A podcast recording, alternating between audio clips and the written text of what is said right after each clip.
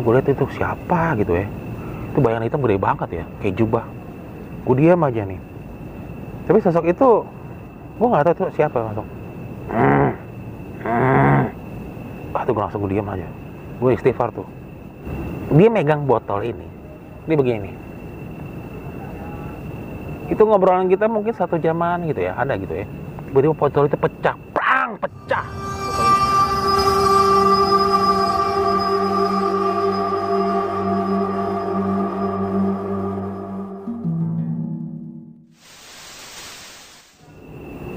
Sebelum sampai di base camp mungkin pos 1 atau berapa. Itu udah kayak kali ya. Apa mungkin mungkin kalau gue bilang mata air ya. Terus banyak pendaki situ pada ngambil air juga. Tapi gue bing yang gue bingung ialah kita tuh, tuh turunnya siang. Kok pas begitu sampai di kali itu ya mungkin kalau gue bilang tuh apa mata air ya kok tuh sore banget. Kayak udah mau maghrib. Dan kok turun lama banget? Estimasi kan kalau gunung yang Unggaran naik itu kan 6 jam tuh ya, ya otomatis kita turun setengahnya dong Dra Hmm, kurang lebih jam 3 lah. jam ya. Kok lama banget gitu pas gue liat ada pendaki juga naik. Ya mas dari mana ini, ini naik ya? Gue tanya. Mas itu cewek-cewek mandi siapa? Cewek-cewek mandi nggak ada. Itu kita berempat cuma melihat cewek mandi gitu. Karena Mas Iman penasaran disamperin. Nggak ada. Eh, jalan-jalan jalan-jalan tuh merinding kok. Sampailah kita ke base camp. Terus sam- sampai di base camp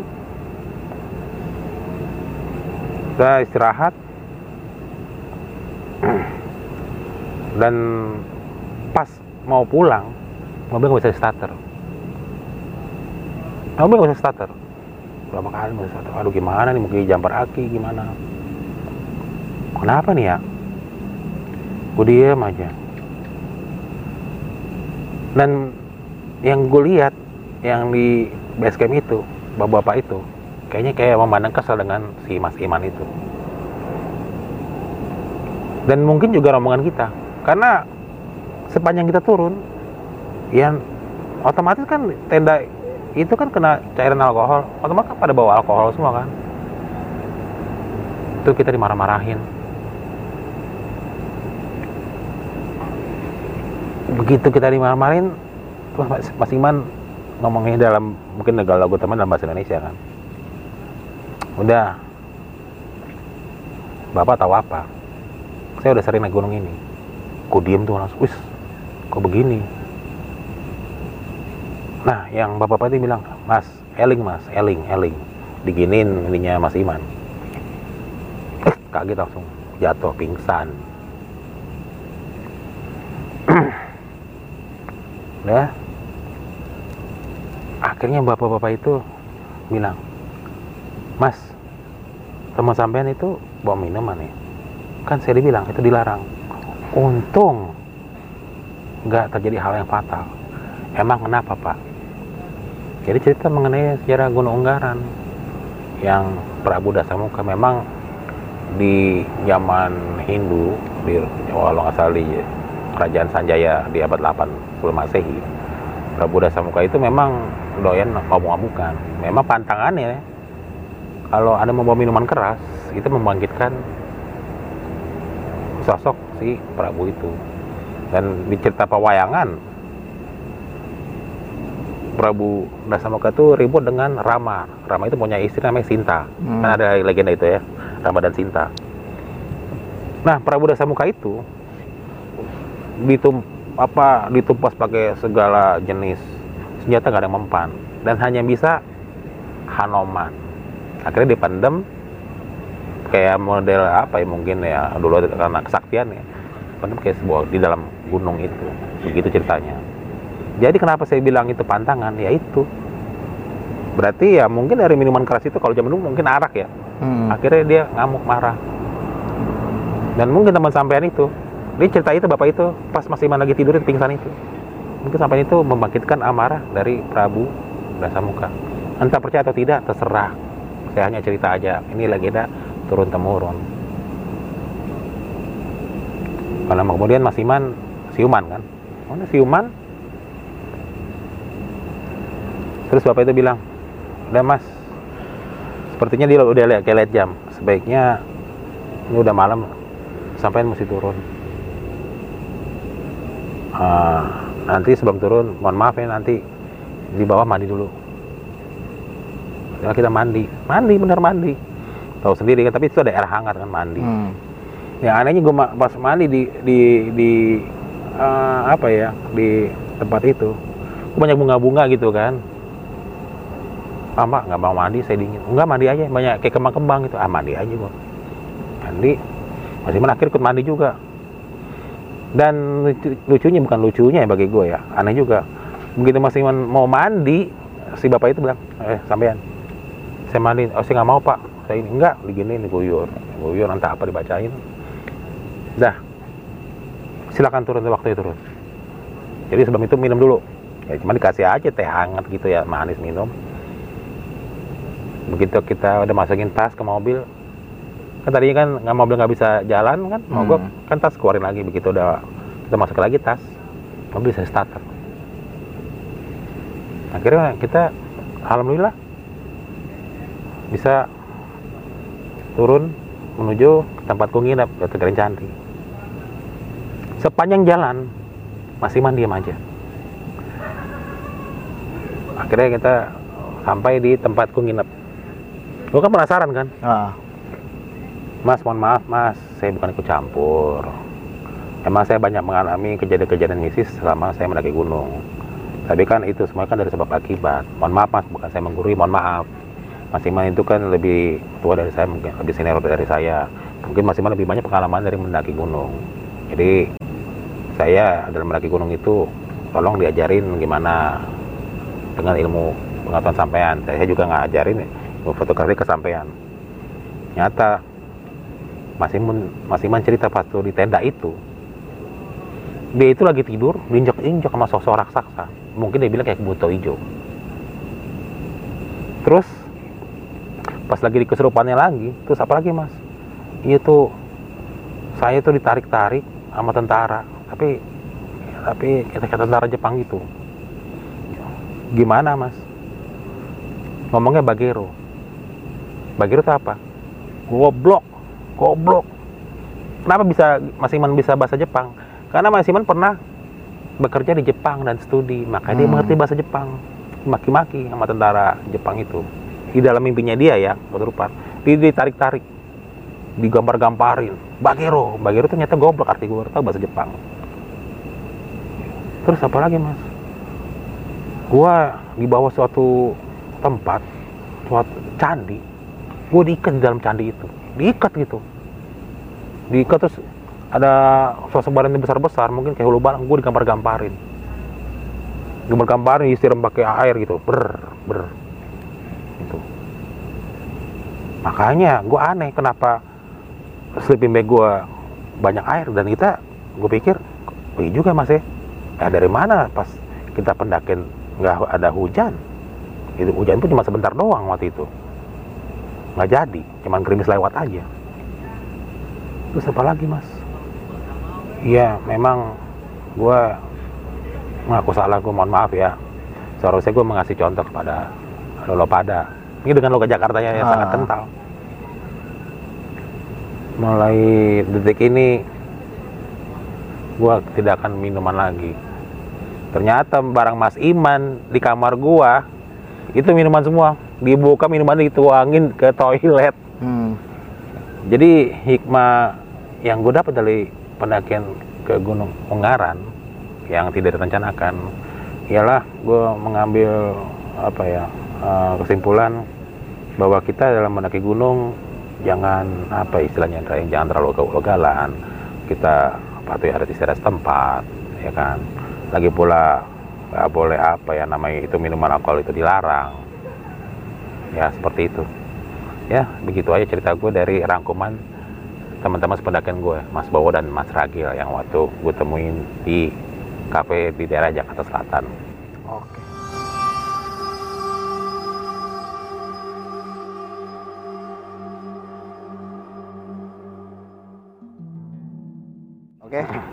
Mungkin tadi kita sudah mendengarkan cerita pengalaman Om Heru ya Om ya Hmm. saat pendakian di Gunung Ungaran. Nah, di pendakian Gunung Ungaran ini banyak banget hikmah yang bisa kita ambil Om. Iya. Salah satunya tadi tentang menceritakan sosok dari Mas Iman itu. Iya. Nah, pendakian di Ungaran ini memang lihat awalnya itu tidak direncanakan ya Om ya. Tidak. Berjalan dengan apa tuh nggak ada anggeda lah ya. Nggak ada Agenda nggak ada ya? Nggak ada. Jadi di pendakian Gunung Ungaran Om Heru eh, mendaki bersama lima orang termasuk Om Heru. Iya. Nah, tadi gue sempat menjel Om Heru menjelaskan tentang saat yang tadi nuang air ada sosok yang menggerung. Itu nampak nggak sih Om sosoknya itu? Nampak. Kalau bisa digambarkan itu seperti apa Om? Udah jadi merinding gua. Eh, lu pernah apa ya kalau di film apa ya? Eh, pernah lihat film Alien and Predator nggak? Pernah. Predator, kayak Ah. seperti itu. Kayak apa ya? Kayak muka mukanya kayak muka apa ya? Kayak muka kala jengking gitu ya. Ininya rahangnya panjang terus ini caling-caling gitu. Matanya matanya merah. Berbulu. Tingginya hampir 4 meter kali itu. Hmm. Napas itu bau banget napasnya. Napasnya maksudnya dasar napasnya itu udaranya sampai gue sampai mau muntah sampai gue saking takutnya ya pasti kita semua pasti takut ya, kayak begitu Ah. sampai gue gak berani lihat ya gue baca baca baca dalam diri baunya bau banget mungkin sosok itu kalau gue simpulkan mereka mungkin marah dengan yang kita kita semua Karena eh, sempat tadi di sebelum pendakian itu ada larangan jangan membawa minuman keras ya. iya Tetapi tetap dilanggar tuh. Iya. Sama si Mas Iman itu. iya Nah, sosok yang Om Heru lihat itu letaknya ada di depan percis Om atau di mana Om? Jadi gini Indra, ini kan tenda Ah. tenda kan begini di ujungnya nah gue ambil water bladder itu Ah. water tank ya sorry water, Water tank. di situ karena water tank itu taruh di luar Teman-teman yang lain itu mendengarkan juga Om? Apa Om Heru aja yang mendengarkan? yang dengar ternyata Mas Bowo dan Mas Ragil Dia juga mendengarkan dia dengar gerungan itu. iya Ya, yang lebih gua tangkap lagi tadi ya, tentang botol minuman yang tiba-tiba pecah, sendiri. pecah pecah jadi ternyata di botol minuman pecah dalamnya juga pecah juga Itu di luar batas nalar banget Om ya. Hmm, Kita nggak sangka-sangka botol yang dipegang sama Om Hmm. Iman itu pecah. Dan Oh, itu iya. serpian belingnya itu ada sepion belingnya ada gue kaget ada sepion belingnya cuman kan dia Mas Iman kan juga nggak nyangka bahwa botol minuman ada di dalam tas juga pecah juga dan dia nggak sadar nggak sadar ya. Hmm. Sadar itu ketika si Mas Ragil itu mengecek iya tasnya Mas Iman itu. ah memang niatnya pingin ambil karena Mas Iman lagi tidur itu pas lagi dia setelah apa sih yang pingsan itu Ah, dari keserupan itu. Pingin ngebu pingin ngebuang airnya. Pecah. Ya untungnya memang pecah di dalam tas. Jadi kan belingnya kan aman ah. ya kan? Tetap kita bawa trash bag kita bawa trash bag. Ya kan? Jadi kita apa ya amanin yang beling-beling itu. Kan akhirnya ngerepotin juga. Seperti itu Nah, ada eh, Om Heru mengalami kejadian yang tanah iya tuh tanah bergoyang lah ya. iya Itu benar-benar nyata banget Om. oh iya semua pendaki kena juga eh kenapa tuh Durasinya lumayan lama apa? mungkin ya nggak sampai lima detik ya nggak sampai Dan semua merasakan hal itu ya. Kayak gimana ya kayak kita melewati polisi tidur gimana sih Indra? Iya. ya seperti itu Dan Mas Iman ini mengalami kesurupan ya. Yang tadi sudah dijelaskan sama Om Heru bahwa dalam saat dia kesurupan itu dia kayak diinjek-injek sama sosok tinggi besar Oh, oh. atau bisa dikatakan buto Ya, hijau. iya. Katanya orang ininya tinggi besar badannya hijau. Eh mungkin itu bilang putih hijau kali. Mungkin ya. Dalam mimpinya dia.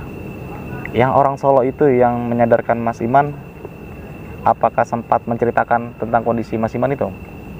nggak sempat. Dia hanya senyum-senyum aja masa apa gue lupa Dia tidak menceritakan Hmm, orangnya ya ah, udah ubahan udah tua ya udah jenggotan ini tapi ya mungkin di tahun itu mungkin ya kalau gue bilang mungkin umur 45 atau 50 Hmm.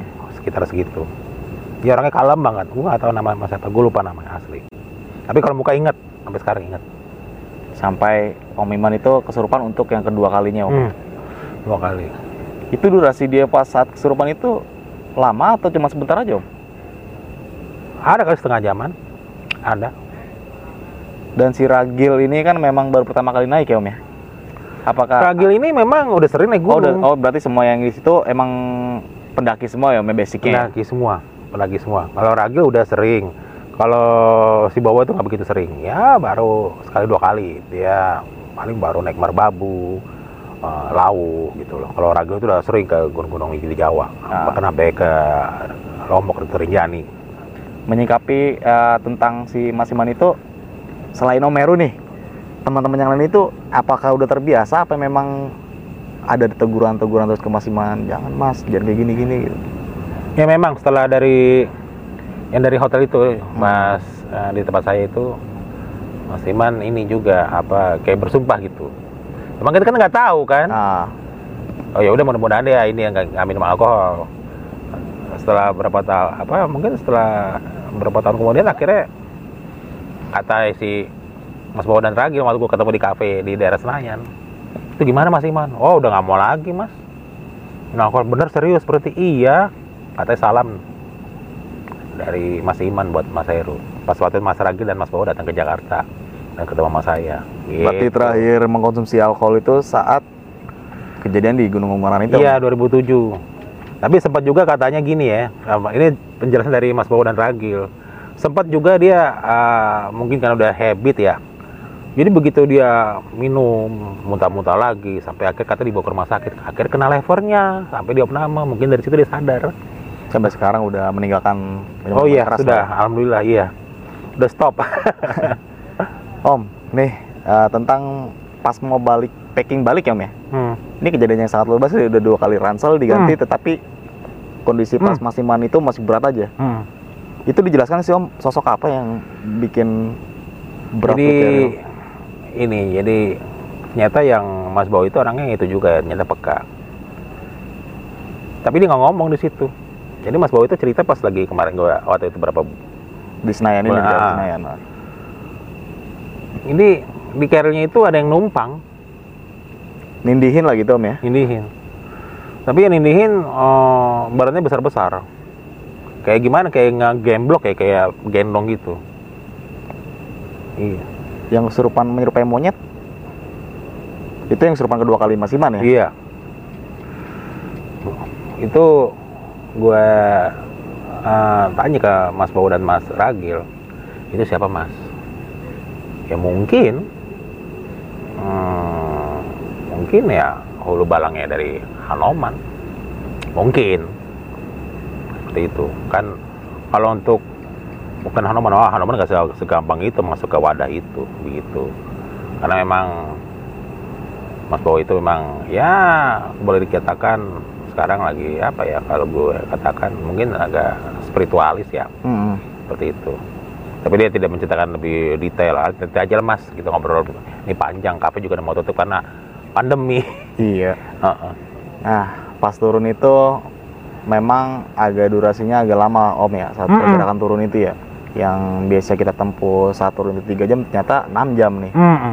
Nah, turun itu Om Heru juga setelah mau nyalain mobil itu nggak bisa nyala. Dan sempat ada kita bisa katakan kuncian sana loh Om ya. Heeh. Yang Om Heru tadi Mas Iman itu disadarkan. Hmm. Sebenarnya berarti kalau gua ngambil kesimpulan ini Om, Mas Iman itu dalam kondisi sadar atau enggak sih Om setelah turun itu? Karena sempat pas turun itu si kunyit itu menyadarkan Mas Iman. Iya. Kalau kata ininya kata ketempelan. Ketempelan. Berarti dalam lihat. kondisi nggak sadar gitu ya Om, Mas Iman itu ya. Hmm. Sampai akhirnya Om Heru itu di dimandiin gitu, dimandiin guyur kembang gitu. itu kan. Iya. Heeh. baru semua situasi Ah, aman semua ah, tuh. ah, banyak yang nempel. Mungkin nempel pada nggak suka kali sama Mas Iman itu. Ah, Tapi gua emang nggak lihat, asli nggak lihat. ini, Cuma yang lihat yang di tenda aja. ah, ini kejadian Om Heru saat pendakian di gunung di Ungaran pada tahun 2007 Om ya. Iya. Bersama lima teman Om Heru nih. Iya. Nah, Om punya pesan-pesan buat teman-teman gak Om? Ah, kalau pesan gue untuk para pendaki, ah, kalau memang di gunung itu dingin, tapi alkohol itu bukan solusinya. Ada banyak cara lain untuk kita menghangatkan badan. Ya mungkin dengan minum teh manis hangat atau kopi atau wedang jahe seperti itu. Karena biar bagaimanapun kita melakukan aktivitas pendakian itu aktivitas yang sangat berbahaya sekali. Mm-mm. Jadi kalau sampai mendaki gunung sampai mabuk-mabukan, nah itu sangat fatal. benar Bisa jadi- terjadi kecelakaan. Pasti jalan sepoyongan, nggak konsentrasi Ah. dan lain-lain. Nah, di luar dari mistis ya, karena secara logika dan ilmiah, Mm-mm. ya nggak boleh juga. Ya kalau namanya orang mabok, ya udah udah dalam titik kulminasi sangat tinggi, ya udah pasti tidur. Nah, ini pendakian gunung bawa jalan ya, fatal pasti jatuh-jatuh apa segala macam seperti itu. Jadi ini bagi bagi gue sendiri juga pelajaran juga bagi gua. Oh, bukan itu caranya untuk menghilangkan hawa dingin dengan minum alkohol dan minuman keras dan yang lainnya. Ada banyak cara lain buat menghangatkan badan seperti itu. Nah, kalau misalkan untuk menyikapi Mas Iman itu dalam tim pendakian itu sebelum kan dia melanggar nih Om ya. Bagaimana tuh Om cara menyikapinya? Kita- Ah, kalau cara menyikapinya ya kita tegur dengan baik-baik apalagi tapi jangan di depan orang. Hmm. mungkin ya mungkin bawa ke pojokan ngobrol mas jangan mas. Karena kita dilihat sama orang banyak dilihat sama teman-teman. Apalagi dia lebih tua. Mas mesti contohin seperti itulah. Jadi dengan bahasa yang baik dan santun. Nah, nah, mungkin agak sedikit gue tambahin Om ya. Di sini kan eh, gua m- mengambil kesimpulan tentang si Mas Iman ini nih. Ada beberapa larangan yang sudah dijelaskan sama kita bisa katakan si kuncen itu Om ya. Hmm. Jangan membawa minuman keras tapi tetap Mas Iman tetap membawa minuman keras Hmm. itu. Lagi-lagi eh, larangan yang diarahkan oleh warga setempat ya Om ya. Patut kita hargai lah Om Iya. ya. Jangan sampai kita langgar. Hmm. Akibatnya mungkin tadi sudah diceritakan Om Meru seperti itu. Iya. Attitude sopan santun juga perlu dijaga juga Om ya. Iya. Di mana pun kita berada. Iya. Mungkin kurang lebihnya seperti itu Om ya. Dalam pendakian gunung penting banget hal Iya. itu harus dijaga ya Om ya. Iya. Oke, mungkin cukup Iya. sampai di sini Om ya. Iya. Cerita pendakian Om Meru saat di Gunung Ungaran pada tahun 2007. Buat teman-teman semua, gue ingatkan kembali bahwasannya Om Meru mempunyai channel YouTube yaitu channel YouTube apa Om? Hero Survival Communication. Hero Survival Communication dan nanti akan gue cantumkan di kolom deskripsi video ini buat kalian yang belum subscribe subscribe terlebih dahulu dan jangan lupa nyalakan loncengnya. Gue ingatkan bagi kalian bahwasannya cerita ini bukan untuk menakut-nakuti kalian tapi ambillah sisi positifnya. Dari gua Indra Dameru nantikan video-video gua berikutnya. Wassalamualaikum warahmatullahi wabarakatuh. Waalaikumsalam warahmatullahi